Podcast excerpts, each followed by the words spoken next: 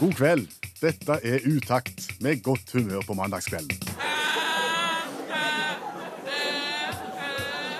To timer i godt selskap. Med variert musikk. Mikkel rev satt og skrev bebe lille lam. Per Øystein Kvindesland. Og Bjørn Olav Skjæveland.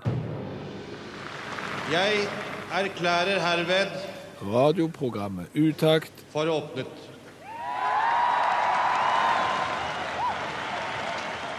Du, Jaha. fredag. Ja. Når sovna du? Fredag kveld. Uh, jeg var halv tolv-tolv, tenker jeg. Halv tolv-tolv, ja. Ja. Når sovna du første gangen på, på fredag? Jeg var vel litt nedpå, kanskje i starten av Idol-finalen. Ja. Og Liten dupp, og så kvikna litt til igjen, men så var det vel i seng for alvor halv tolv-tolv. Halv tolv-tolv, ja. Og, og hvis døgn etterpå, da, altså lørdag kveld, når Ja, da, var, da, da var det friskt. Da var det gale. Da var jeg på et sånn eh, folkehøyskolejubileum. Altså traff igjen folk 25 år etter. Og da tror jeg ikke jeg var i seng før Jeg tror ikke Hun var ett, tror jeg. Hun var ett, ja. Ja, det var såpass, Ja, jeg lurer på det, ja. ja. Når var du på nachspiel sist? 1989. Da, da jeg gikk på, på folkehøyskolen. Ja, ja. Så, så det at du var i seng klokka ett på lørdag, altså natt til søndag, mm. ville du sagt for 25 år siden at det var kjempesent? Nei, tror ikke det. Nei, men nå var det kjempesent. Nå var det mer enn nok. Ja. Det er jo litt sånn. Mm. Jo eldre vi blir, jo senere blir tidlig.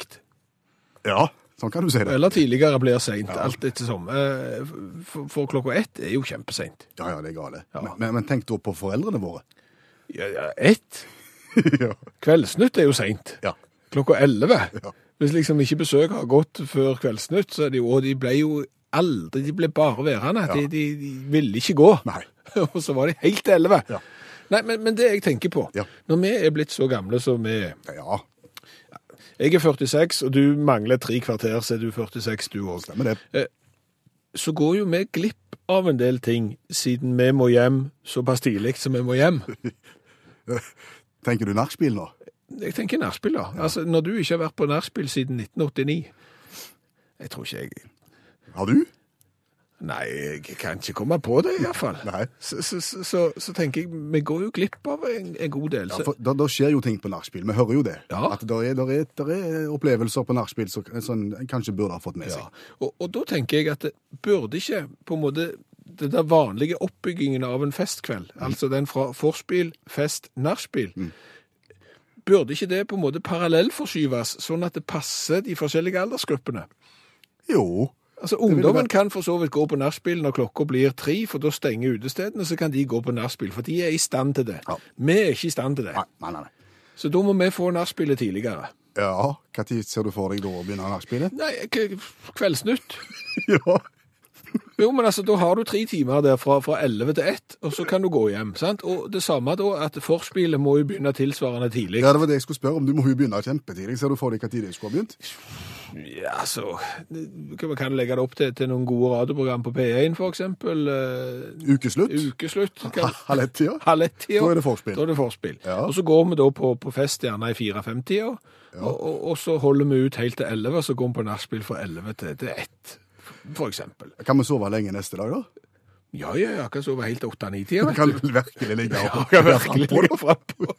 Og tenk deg de som er enda eldre enn oss. Ja. Sant? De, de bare begynner enda tidligere. De begynner for eksempel forspillet rett etter nitimen, Ja. og, og så går de på fest i, i ett tiår. ja. Ja, og, og så f.eks. for eksempel går de på nachspiel klokka åtte til elleve. Ja. Så de er hjemme til Kveldsnytt.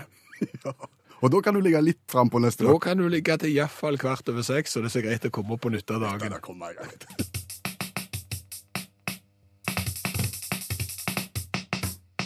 Nå har det skjedd igjen. Hva er det som har skjedd igjen? Eh, Bryllupsreisetrikset. Har det virka igjen? Det virker igjen. Det trikset som virka som vi så første gang når vi dro eh, med fly fra London til Los Angeles. Ja. Fortell oss om bryllupsreisetrikset. Altså, Bryllupsreisetrikset det er at du passer på at eh, besetningen om bord på flyet forstår at du er på bryllupsreise sammen med din partner. Hva skjer da? Det som da skjer, er at du blir oppgradert. Til en bedre klasse. Altså, du blir gjerne flytta fram på business og første klasse og får seng og champagne og alle tiders. Dette observerte vi altså på vei fra London til Los Angeles. Da kom inn en kar i smoking, en litt avansert dress. Ja, Så kom det ei dame i ikke en voldsom spjåken og, og, og ganske oppsiktsvekkende brudekjole, men, men nok til at du så at det var en brudekjole. ja, nok til at du så at det var brudekjole og at de var på bryllupsreis, og før de omtrent hadde fått satt seg, så hadde jo personalet om bord i flyet, de hadde jo gjort at vi andre i flyet hadde applaudert de og jubla for at de hadde gifta seg, og vips så forsvant de fra kretturklassen der vi satt, og så satt de foran forhenget og fikk servert godsaker og hadde kjempeforhold. Og så sier du at det har skjedd igjen? Ja, eh, nå er det en som jeg eh, kjenner som var på flyet til, fra London til, det var nøyaktig samme tur faktisk, London til eh, østkysten av USA. USA. Fikk på en eller annen måte som jeg ikke vet hvordan, fordi at vedkommende var ikke kledd i dress, og bruden var ikke kledd i brudekjole, men de klarte da å få signalisert at de var på bryllupsreis, i hvert fall på et eller annet mirakuløst vis. Og vips, Så var de igjen. så var de på første klasse de òg. Så når du snakker om bryllupsreisetrikset, Ja. eh, sier du da at denne informasjonen du nå presenterer, kan brukes av allmuen? ja. Eh, gifting, ikke så Nei, altså du trenger jo ikke gifte deg for å bli oppgradert her. Altså Det jeg foreslår, det er at hvis du Dette gjelder jo ikke hvis du skal reise f.eks. fra Bergen til Stavanger. Det- Da blir du skuffa når du kommer om bord og ser at det er ikke noe første klasse. Sant? Så dette gjelder jo da på, på lange internasjonale flighter, der du kan betale det hvite ut av øynene for å få et skikkelig sete og litt god mat. Ja. Da er trikset å ha Da passer du på at kona di har en litt sånn passe, ikke for prangende brudekjole, for det er så stress å reise i. Hvis du skal se ut som en sånn 80-tallsmarengs, så er det litt tungt. Så du tar på en liten nett hvit brudekjole, og så passer du på å reise i en sånn en halvmoderende dress. Og, og, og, Og så- og så har du en bukett med blomster i hånda. OK, og så kommer personalet bort til deg og spør har du gifta deg. Nei, de spør jo ikke om det, for det jo, da har du kledd deg sånn at de ser det. Sant? Og Da slipper du å spørre, og du slipper å lyge. Så da er det bare, vet dere hva, komme fram til Altså, det er jo ikke noe lyggen. For alt det du vet, så er det bare sånn. Det er sånn jeg reiser når jeg skal f.eks. til Los Angeles. Det er min vanlige reisebekledning. Og skal jeg til Thailand, jeg reiser alltid i Så, så hvis et samla kreturklasse reiser seg og synger eh, gratulasjonssang til deg, så, så bare smiler du og nikker? Ja, ja. Ja. Så, så, dette vil jeg Ingen anbefale. skrupler? Nei, ingen skrupler i det hele tatt. Og jeg vil anbefale folk å prøve. Ta sjansen nå, og gi oss tilbakemelding hvordan det har gått. Jeg vil garantere at dere vil få en opplevelse utenom det vanlige. Og hvis dere ikke blir oppgradert, så får dere en opplevelse utenom det vanlige òg, for oss å sitte elleve timer på Kretturklassen der i en litt snau brudekjole. Det er ikke noe særlig.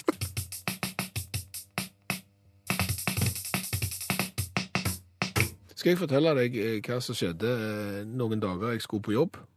Hvis det er spennende. Ja, Det vil vise seg etterpå. Nå må jeg fortelle det først. men, men det var sånn at jeg kom ut og satte meg i bilen en morgen jeg skulle på jobb.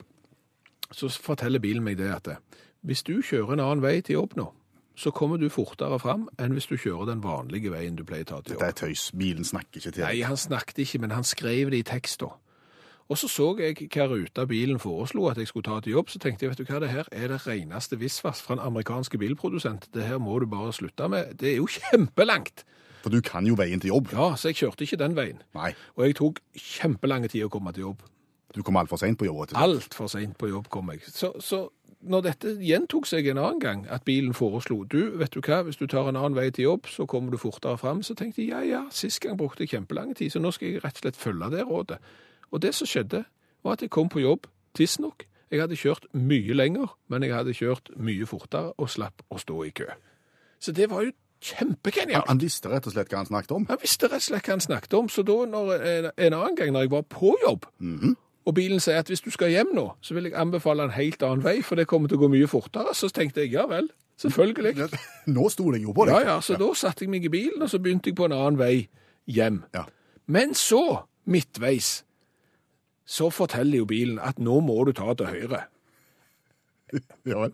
Jeg kan jo ikke ta til høyre her. Er Nå kommer kom jeg jo inn i den der køen som du nettopp har fortalt meg at jeg ikke skulle kjøre, så jeg kan jo ikke ta til høyre igjen her etter liksom Så igjen så var du skeptisk til den? kvarters kjøring. Mm. Så, så det jeg gjorde da, det var at jeg ikke kjørte der. Nei. Jeg, jeg, jeg tenker at et menneske som meg er i stand til å tenke og resonnere mye bedre enn dette her, så jeg fortsatte på det som for meg ville være den naturlige veien videre der som bilen hadde sendt meg i gang. Ja. Det skulle jeg ikke gjort. Du skulle hørt på han denne gangen Jeg skulle hørt på bilen igjen, vet du. Da rota jeg meg jo inn i noe som heter Sandnes sentrum. Oi. Sandnes er en by som er den syv største byen i, i Norge, og der var det alle tiders trafikkaos. Kollegaen min som hadde stått i eh, køen, den som jeg egentlig burde stått i etter hvert, var jo framme mye før meg. Så, så, så her er jo da eh, resepten. Eh, Altså, når datamaskinen forteller deg at du skal noe, og har innhenta informasjon, så må du følge det blindt, eller så må du la være. For begynner du å kombinere datamaskinens logikk med din egen, så blir det bare skeis. Dette burde du visst, Skjæveland, for du har folk i din egen familie som har slitt med dette tidligere. Har jeg? Ja, det har du, det har du fortalt om på riksdekkende radio. Kjenner ikke til det. Fortell historien om når faren, når faren skulle på orienteringsløp i Danmark. Det er en av mine favoritter. Far er en orienteringsløper, og så har orienteringsløpinga hoppet over min generasjon, og så hadde han med seg min sønn. De skulle da på orienteringsferie i Danmark. Noe av belønningen var jo en tur i Fårup sommerland. Ja. Far min, orienteringsløperen, insisterte på at han ikke skulle bruke GPS. Han skulle følge de konvensjonelle kartene for å finne Fårup. Selvfølgelig. Og la meg si det sånn, det er to Fårup i Danmark. Det ene er en jordbæråker, mye lenger sør enn Fårup sommerland, som er en fornøyelsespark for unger. Men de fikk to timer i parken til slutten av dagen, det gjorde de. Og en korg med jordbær.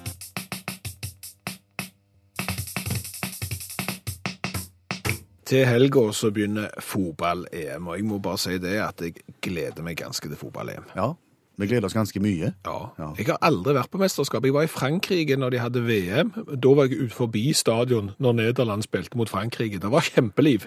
Så jeg bare tenker hvordan det var innenfor. Men jeg hadde jo selvfølgelig ikke billett. Ikke bare bare å få seg billett. Har du noen gode råd til hvordan vi skal klare det? Nei, eh, du må rett og slett bare søke og håpe du får. Og så vet jeg jo det at allmennlærer Olav Hove, som jo alltid er med oss i studio fordi at han har to vekttall i musikk og kan ting som vi ikke kan. God kveld. God kveld, god kveld. Du vet litt om uh, dette med å få billetter? Nei, egentlig ikke. Men jeg tenker hvis du ikke får billett, så kan du uh, søke alternative mesterskap. For det finnes jo så mye det er en skog der ute i forhold til mesterskap. Ok, nå bestilte vi deg egentlig for å komme med tips om hvordan få billetter til, til EM i fotball i Frankrike, men du har altså valgt en litt annen tilnærming. Ja, jeg tror vi heller skal fokusere på det som vi kan få billetter til. Og det, og det Jeg har valgt ut et knippe det er forholdsvis enkelt å få billetter til. Uh, Jeg kunne nevnt Winchester Hatfair i England, der du eh, har uoffisielt europamesterskap i den løgneste hatten. Eh, Lite folk som går på det. Men jeg vil ikke nevne det. Jeg kunne vel nevnt eh, VM i snegleløp i Norfolk. Eh, Lite folk der òg. Så jeg nevner ikke det. Et som vi har hørt om, VM i konebæring, er jo nå i Sonkajärvi 1. til 2. juli. Eh, det har vi hørt om mye på radio og TV, så det skal ikke vi snakke om. Jeg kan si at i år har jeg utvida det VM-et litt til konebæringskaraoke. Jeg vil jo tro det er vanskeligere å prestere vokalt når du har kjerringa på nakken. Eh, men jeg skal ikke nevne det. Jeg tror vi skal gå til Aiton Bridge i England. Der de, eh, arrangerer de Aiton Bridge Stikkelsbærfestival. Eller nei, nå må jeg arrestere meg sjøl, ikke festival, for det er en del kriterier, visstnok. Eh, Det er litt begrensa aktivitet på Aiton Bridge eh, Stikkelsbær Festival, så heter, nå heter det Aiton Bridge Stikkelsbær Show. For det, det er få det er få arrangement, det er bare ett arrangement, da. Eh, Jo, jo, men nå tenker jo jeg at eh, OK, du fikk ikke billetter til fotball-EM, så du vil gå og se en annen konkurranse, og så inviterer du på en festival. Nei da, nei da. nei da. Eh, Det er ett arrangement, og det dreier seg om største, tyngste stikkelsbær. Eh, Bridge, jeg vet ikke om de kjenner til Aiton Bridge, det er jo en, en stolt eh, tradisjon for stikkelsbærdyrking der i 200 år. Denne her festivalen, el, unnskyld, showet, har pågått nå siden 1800. Hold dere fast. 216 år. Nettsida deres er helt håpløs. For da er det et spørsmål. eh, Hvor skal vi kjøre hen? Hvor skal, hvordan skal vi komme oss til Aiton Bridge Stikkelsbær Fest Show? Unnskyld. Jo, da eh, er det sånn at eh, det ligger det er en halvtime fra Cropton og det er 25 minutter fra Keldi, står det på nettsiden der. Og da føler jeg kanskje, hvis du er fra Snåsa og skal på Stikkelsbær-show, og, og vet at det er en halvtime fra Cropton og 25 minutter fra Keldi, så sliter du jo litt, da. Uansett, hvis vi skal snakke om konkurransen, da. Det er jo, det er jo enkelt og greit den største, tyngste stikkelsbæret dreier seg om. Ja, men altså Som det er fotball-EM, som vi egentlig ville på, Ja, da ja, sitter ja. du også bivåner en kamp, og du Ja, da. bivåner spenningen. Bivåner du plukking på noen måte her som Nei, publikum? nei, nei, da, du byvån ingenting annet enn en selve vegingen. Det er visstnok enorme stemning som bygger seg opp. der. Hvor tungt hva er, pleier liksom et normalt vinnerbær å være, da? Ja, det er jo Brian Ellis, eh, kjent, eh, kjent eh, stikkelsbærdyrker, som har verdensrekorden sett i 2009 på, på 35 drams. Jeg vet ikke om de vet hva en dram er. En Dram, det, er, Det skal du ikke ha for mye av. det skal du iallfall ikke ha på tomt hode. Nei, dram er jo samme som tre skrupler, eller 20 korn, eh, hvis det hjelper. Så hvis vi veger det i i gram, så er det 62 gram. Og for de av oss som har peiling På bær? Ja, på stikkelsbær, så er 62 gram det er som et eple å regne. Men, men bare helt til slutt. Du lover jo at her skal det være billetter tilgjengelige. Hvor Ja. mange folk pleier å møte opp på Nei, Stikkelsbærshow. ja. Nei, altså det er jo 18 bits. Det er helst folk fra 18 bits, så kommer det noen fra Kelby og Cropton, da, men ellers så er det fint lite folk, så det er ikke vanskelig å kjøpe billetter i døra, vil jeg si. Så eh, Eventuelt gå inn på nettsida. det kan du gjøre. Da finner du ingenting likevel.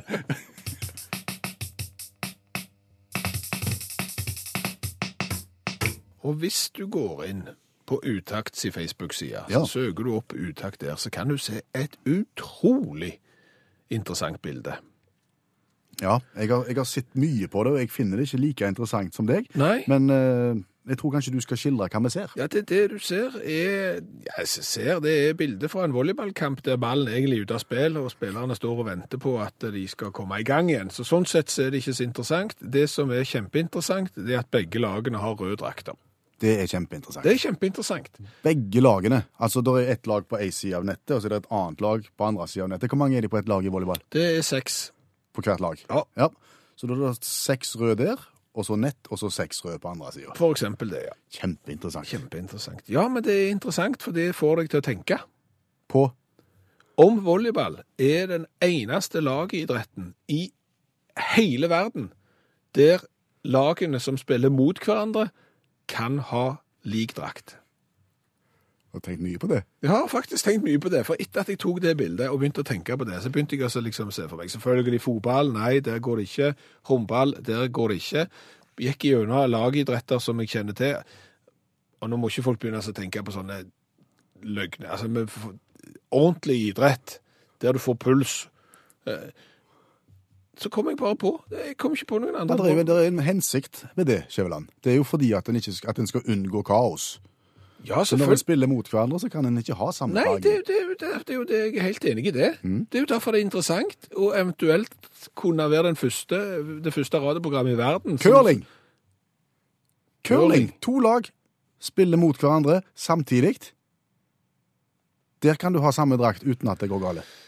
Altså, Hvor mange, det, hvor mange mann er det på et curlinglag? Vet ikke. Det er han eh, bobestyreren, og så er det, og så er det noen av de andre. Men, men det, her må jeg få lov å arrestere deg på, på, på det grundigste. For det første så er de jo ikke på banen samtidig. Nei Altså, de spiller mot annen. Ja, det gjør òg folk som hiver dart, men det er én og én som hiver på den der uh, skjeva. Så, så først er det noen som spiller, og så når han har hevet en stein inn i det der eh, blinken, så er det et nytt lag på banen. Så sånn sett, ja, de kan ha like drakter, de er ikke på banen samtidig. Uinteressant. Og så til slutt et kontrollspørsmål. Har du sett noen curlinglag med like drakter? Nei, jeg har sett det norske laget med litt sånn skoine bukser. Ja. Nei. Så, så, så det er Boccia. Jeg sa skikkelig idrett, sa jeg. Ja, det sa du. Du skulle få puls. Petank. Det er, Det er den som teller. Ja, det er den som teller. Det er franske pensjonister på, på rødvin. Kunne ha hva drakt de ville, det betyr ingenting. Du, så her går jo spørsmålet. Nå må folk begynne å, å, å tenke seg om, for det er ikke sikkert vi er, har tenkt på alt. Det kan jo godt hende. Er det noen andre idretter i hele verden der to lag spiller mot hverandre samtidig, der det går an å ha like drakter? Hvis du ikke har lyst til å bruke tid på det, så er det helt i orden for meg. Men hvis du har lyst til å bruke tid... Nei, men Gå inn på Facebook-sida til Utakt, og, hvis du har en god idé til en lagidrett, så skal vi se. Plutselig så er volleyball den eneste lagidretten i hele verden som kan skilte med den egenskapen der, og det er litt tøft. Ikke så mye annet de kan skilte med.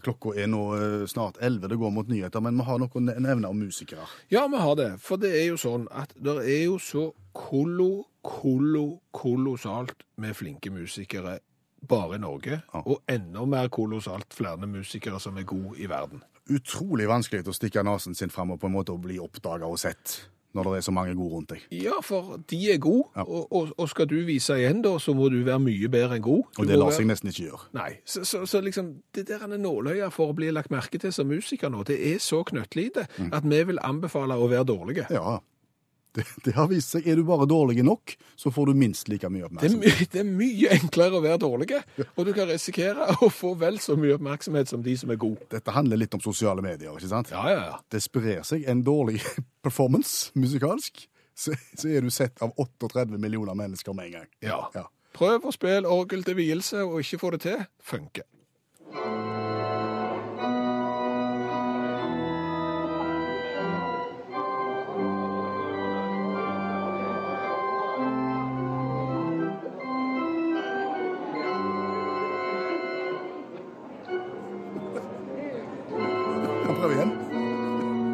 Skal vi se, det var noe Jeg er inne på det, men jeg glemte litt ut.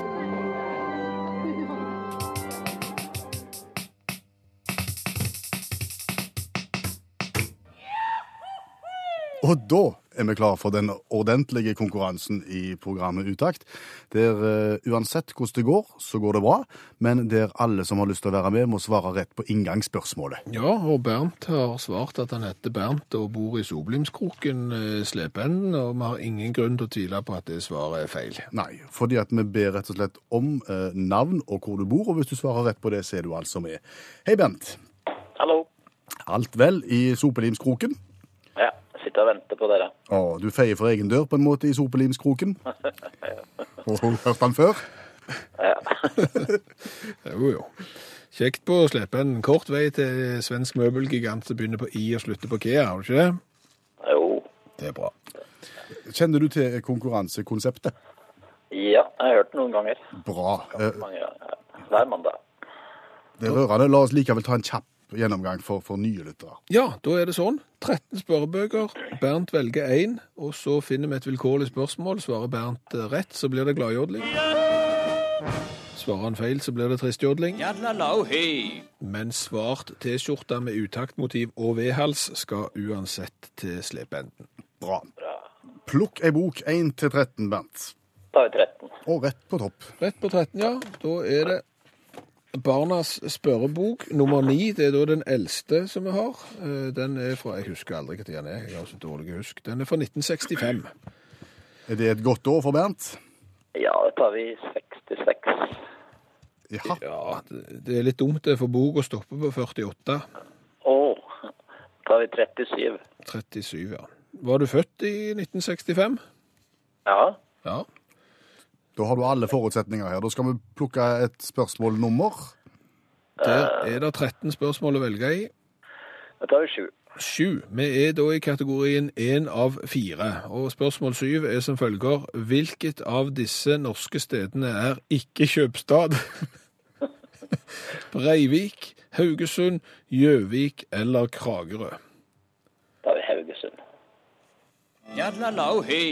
Nå skal, du, nå skal du være litt forsiktig, Bernt. Hvis dette du... Oi, oi, oi.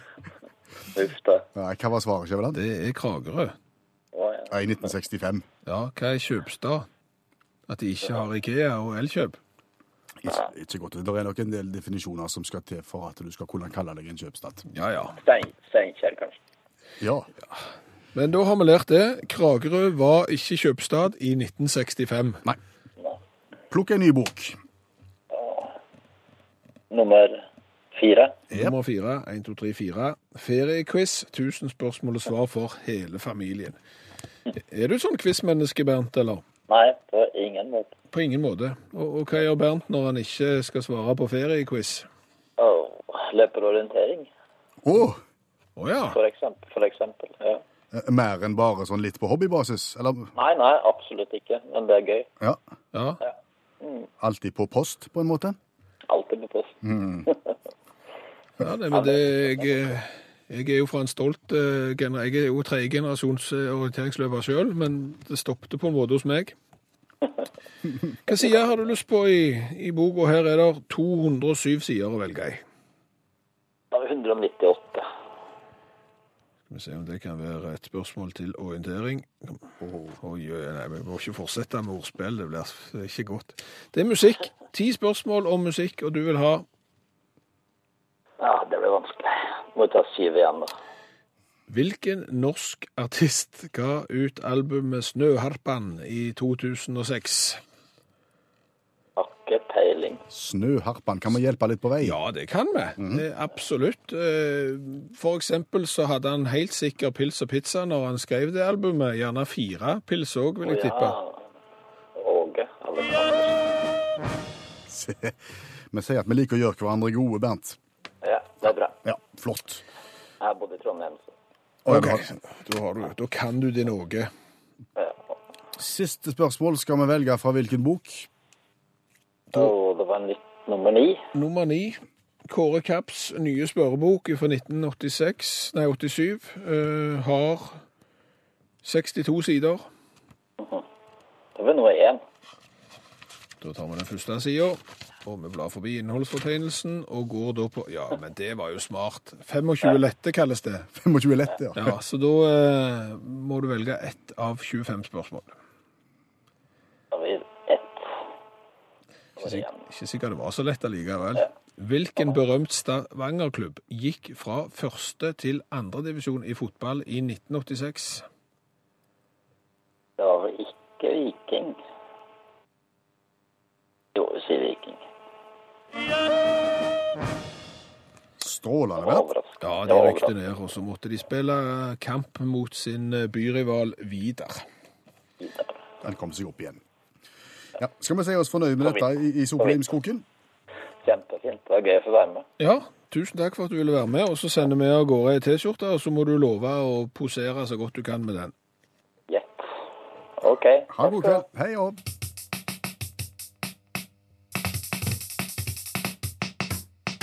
Sjøland, jeg drømmer og jeg håper på en opptur i coladugnaden vår i dag. Vi har vært igjennom 70-80 forskjellige colavarianter fra hele verden av særdeles variabel kvalitet. Ja, noe godt, noe sånn passe, og noe direkte vondt. Rett og slett. Og dette gjør vi fordi at det er ganske tøft å være det radioprogrammet som har smakt på mest cola i, i hele verden. Og så gjør vi det litt for å hjelpe deg som skal ut og reise. Så du kan velge rett cola alt etter på hvilket kontinent du befinner deg. Det er iallfall det som er alibiet vårt. Det er forbrukerjournalistikk av beste merke. Og så er vi så glad fordi at Utakt sine lyttere sender oss flasker og bokser fra hele verden, så vi har mye å gå på. Og i dag så kommer det en liten skoie fra Island, var det så? Ja, fra Island. Under tvil, da. Fordi at produktet er kjøpt på Island, men det er produsert i Belgia.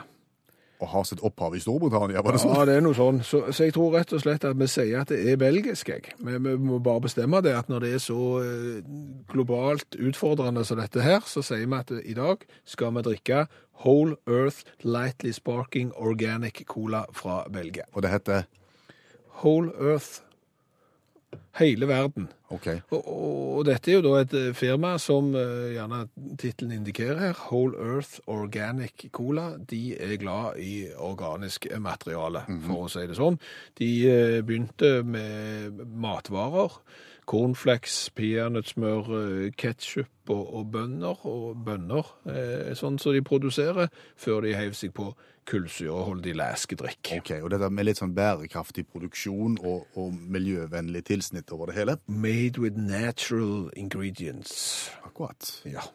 Eh, Vil du beskrive hvordan eh, boksen ser ut? Det er da en eh, vanlig 033-boks, god del sølvfarge på den, og så er det dette grønne som skal indikere det organiske i denne boksen, og på der står det Whole Earth, og så er det et lite snev av eh, Ja. Så hele greia lukter relativt modernistisk, vil jeg si, i forhold til mye av det andre vi har sett på. Og så lukter det litt sånn god samvittighet ved å kjøpe og drikke dette produktet her, tenker jeg. Med, Ja. det, med det designet. Det er før vi har smakt. Det er før vi har smakt, så får vi se om det smaker Nå skal vi gi karakter sånn som vi alltid gjør. Vi skal gi fra 1 til 10 på smak, og så skal vi gi fra 1 til 10 på designet etterpå.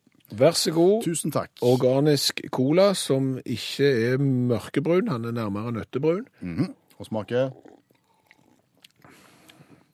Smaker føy. forferdelig. Smaker maltøl. Hva i all verden er dere klart å få til her? Å fy. kan ikke kalle det cola. Det er beiskt og harskt og ikke i nærheten av det du forbinder med cola. Altså, hvis det Kan skal... jeg, kan jeg gi null? Du kan ikke gi null, for du har jo smakt den der colaen fra Sør-Korea som var gjæra og var lagd av hvete. Det, så det er det vondeste du har smakt, det garanterer jeg. Så du kan ikke smake, du skal ikke si null. Nei, da må jeg si én. Ja, ok. Ok, Det er én opp for den. Det er det nest verste vi har vært borti, i tillegg til altså sammenligna med den fra Korea. Jeg, jeg kan ikke gi mer enn én. Hva kan du? Nei, det Å, Kjenn på ettersmaken nå. å, herre mann. 1-1, Sonja. Du gir én, du òg. Ja, ja. Ja. Design, der sier jeg at dette syns jeg er flott. Nå må jeg bare legge vekk all tanke på at det ikke var, smakte godt. Jeg syns boksen er tøffe. Den indikerer at det er organisk, og at det er miljøvennlig profil, og den er annerledes. Jeg vil gi en uh, sjuer i design. Ja, sjuer. Jeg kjenner på ettersmaken. Jeg går ned til fem, uansett hva du sier. Så det Da er du på tolv i design og to i smak. Det er 14 totalt, det. Ja, det- det er uhyre lavt. Det er uhyre lavt. Og, og altså, hvis det skal være så vondt å, å, å være eh, veganer, eller hva det er, så, så da, da sier jeg det. Da hadde jeg ikke orka, altså.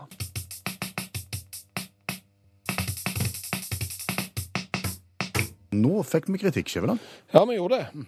Vi fikk eh, kritikk eh, fordi at eh, colaen vi nettopp har smakt og kritisert søndag og sammen, eh, er gått ut på dato. Ja, den har gått no noe ut på dato. Ja, altså den er ikke mer gått ut på dato enn at han må tåle det, syns vi da.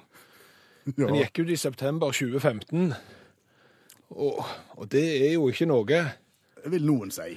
vil noen si. Og for å bevise den hypotesen om at eh, en brus som er gått ut på dato for bare noen måneder siden, må tåle at han får kritikk, så skal vi åpne, og dette er jo nesten helligbrødet, altså nå bryter vi jo nesten en regel bare for å bevise at vi skal selv ha rett. Vi skal nå åpne ei flaske med Pepsi Cola fra 1981. Er du sikker på om vi skal det? Ja, vi skal det. Glassflasker med Pepsi Cola fra 1981 med sånn, og for de som ikke husker det, de hadde ikke kork på den måten du har kork på nå. De hadde det der kvikk i toppen, eller hva det heter for noe. Altså en sånn en. Altså du drar av korken? Ja, jeg skal legge ut bilder på Facebook-sida vår eh, snart, så kan folk få se det. Men dette er rett og slett da Cola fra 1981, og for å bevise at den er bedre enn det der skvipet fra Belgia, som bare var noen måneder gått ut på dato. Er det greit at jeg filmer deg mens du nå smaker på cola fra 1981? Ja, Bondegård. vet du hva? Ja, er, det, er det kullsyre? Om det er kullsyre, ja. Ja. Cola fra 1981, klar, ferdig, gå.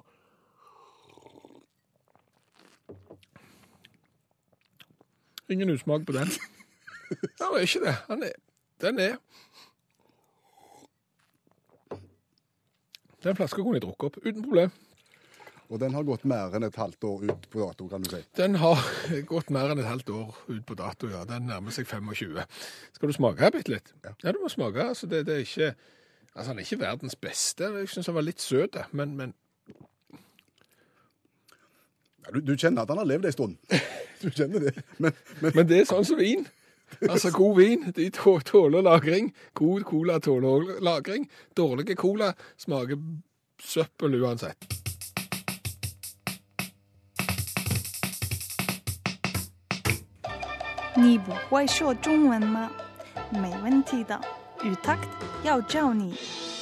Skjønner du ikke kinesisk? Ingen problem. Utakt vil lære deg.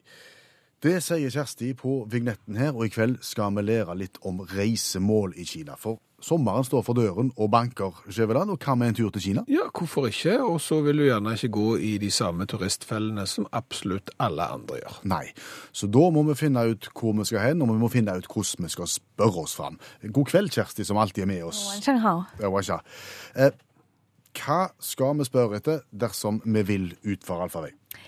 Vi kan f.eks. spørre om um,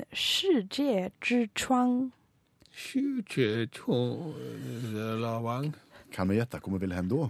Ja, det er nord. Det er jo klart det er nord. Det er, det er flott. Nord-Kina. Nei, det er nok sør. Helt på grensa til Hongkong. Dette her eh, ligger i byen Shenzhen. Okay. Og så hvis jeg sier eh, Shijie, det betyr verden. Mm. Og Zhichuang betyr vindu. Et vindu mot verden? Ja, og så sier hun at dette er en fornøyelsespark. Hva tenker dere da det kan inneholde? Et vindu mot verden, da er det sikkert sånne miniatyrlandsbyer, sånne kopier av uh, forskjellige kjente ting i resten av verden. Det er helt korrekt. For i denne fornøyelsesparken eh, Shijiejuchuang, så har de da gjenskapt eh, 130 av verdens mest kjente turistattraksjoner. Så her er det da Eiffeltårnet, 108 meter høyt Eiffeltårn. Det må være såpass. Pyramidene, eh, Versailles, Skeivetårnet i Pisa osv. Dette minner meg om Las Vegas. Jo, men Dette høres ut som en genial idé. altså Istedenfor å liksom prøve å reise verden rundt for å få sett alt dette, her, så er det jo bare å ta turen til Huizhou, Shenzhen. Ja. og, og så får du sett alt. Ja, og så får du òg, hvis du ender opp på flyplassen i Shenzhen, så kan du høre min stemme, for det er jeg som er annonsøren der på engelsk. Nei. Snakker du engelsk på flyplassen der? Ja, sier Hva du da? The flight to Beijing is now boarding. Da får du, det, det, Det, du får en pose og sekk. ja, ja.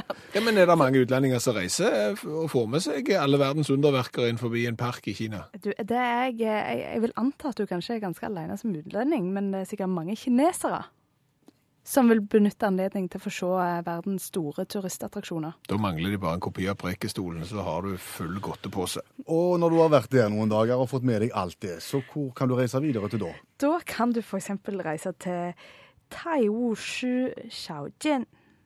En kjempegod thai-restaurant. Nei. Altså, Vi er litt i samme bane, fordi at eh, sånn der eh, arkitektur fra utlandet det er blitt kjempepopulært. Kopier av eh, gjerne vestlig arkitektur. Så ikke nok med at de kopierer klokker, biler og alt det andre, men de kopierer òg arkitekturen, og da skal vi til Altså, dette er da Tamestown. Tamestown. Mm. Meaning? Meaning, altså, dette er en gjeng med kinesiske arkitekter som ble sendt til England for å komme tilbake igjen og kunne gjenskape en britisk småby. Så de har bygd en britisk småby med røde telefonbokser og puber og fish and chips-restauranter og sånn.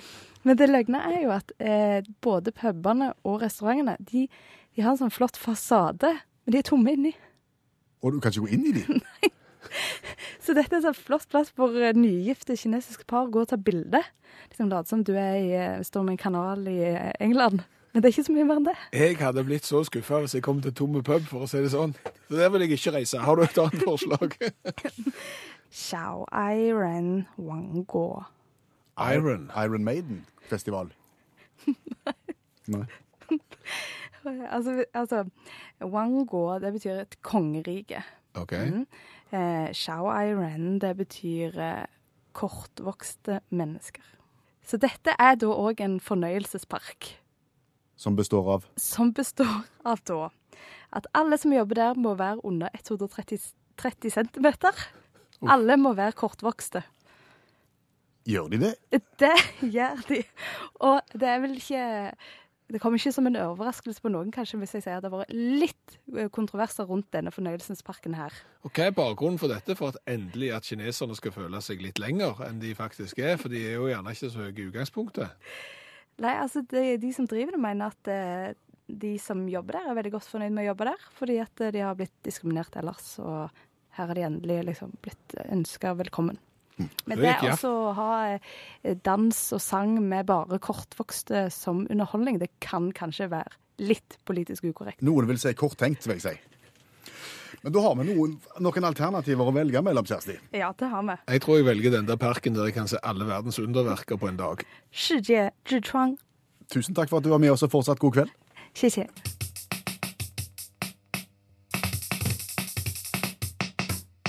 Vi snakket tidligere i programmet om hvor vanskelig det er å få seg billetter til fotball-EM som starter til helga. Ja, med mindre du vil betale altfor mye for en billett som sannsynligvis er falsk, så er det løpet kjørt. Og da er det jo hvilket arrangement skal du da oppsøke, der du er garantert å få billett, og eventuelt underholdning. Ja, Fins det like spennende store arrangementer eh, som pågår samtidig? Allmennlærer med to vekttall i musikk, Olav Hove. Nei, det finnes ikke like store, men minst like spennende. Og jeg kunne nevne i fleng Havfruefestivalen i New York, hvis de skal på og det. Um, Ja, Det blir litt langt. ja, det blir litt langt, og, og det er ikke så spennende heller. Det, det, det er voksne folk som kler seg i havfruekostyme. vi sier si det er litt sært. Du kunne reist til Florida.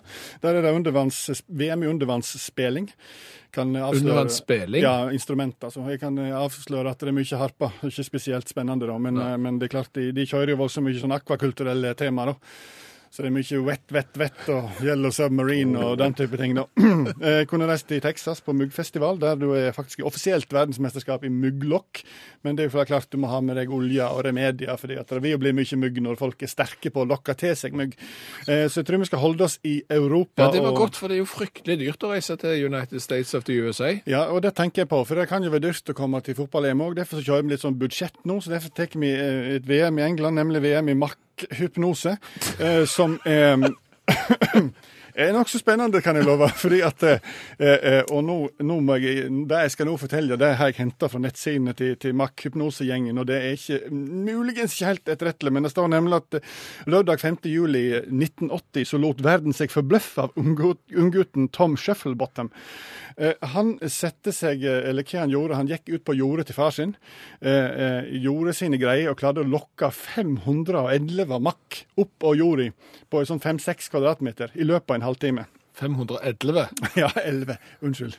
510 pluss 1 makk opp og jordi. Uh, uh, Ved hjelp av Nei, det skal jeg komme litt tilbake til, men det dreier seg om hypnose. da, sant? Og det, Da er vi liksom inn på det, vi er liksom inn på idrett, men vi er òg inn på det åndelige her. da. Tre kvadratmeter for eh, deltakerne, og så skal de da bruke en halvtime på å, å tilkalle seg dette her litt slimete dyret. Og så teller en opp, og så kan det da bli vinner av den gylne makk, som er førsteplassen da for de som får opp mest makk. Tyngste makk får sølvmakken til opplysning. Eh, der er det Tom, nei, John Overstall fra 1987 som fikk opp en makk på 6,6 gram, som visstnok er formidabelt. Det er så en kobra å regne. Eh, ett pund for å komme inn, fem pund for å delta. Eh, så er ikke det fullt så eksotisk den måten de får opp makken på. For jeg har, jeg har studert eh, makkhypnose litt.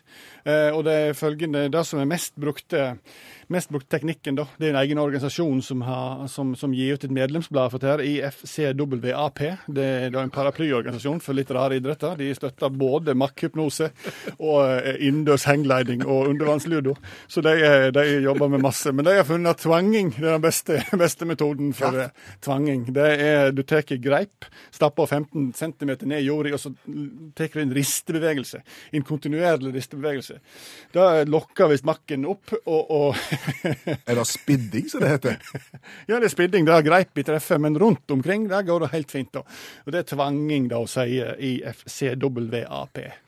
Og du lover jo eh, garantert plass her. Det betyr at det er ikke så mange som møter opp på dette mesterskapet i eh, Nei, men jo, det er ganske mange. Men det er jækla god plass, vet du. Det er midt ute på et jorde, og det er ikke så mange som deltar. OK. Nei. Ett pund, sier jeg. Var ikke dyrt. Får ikke en pint for det engang.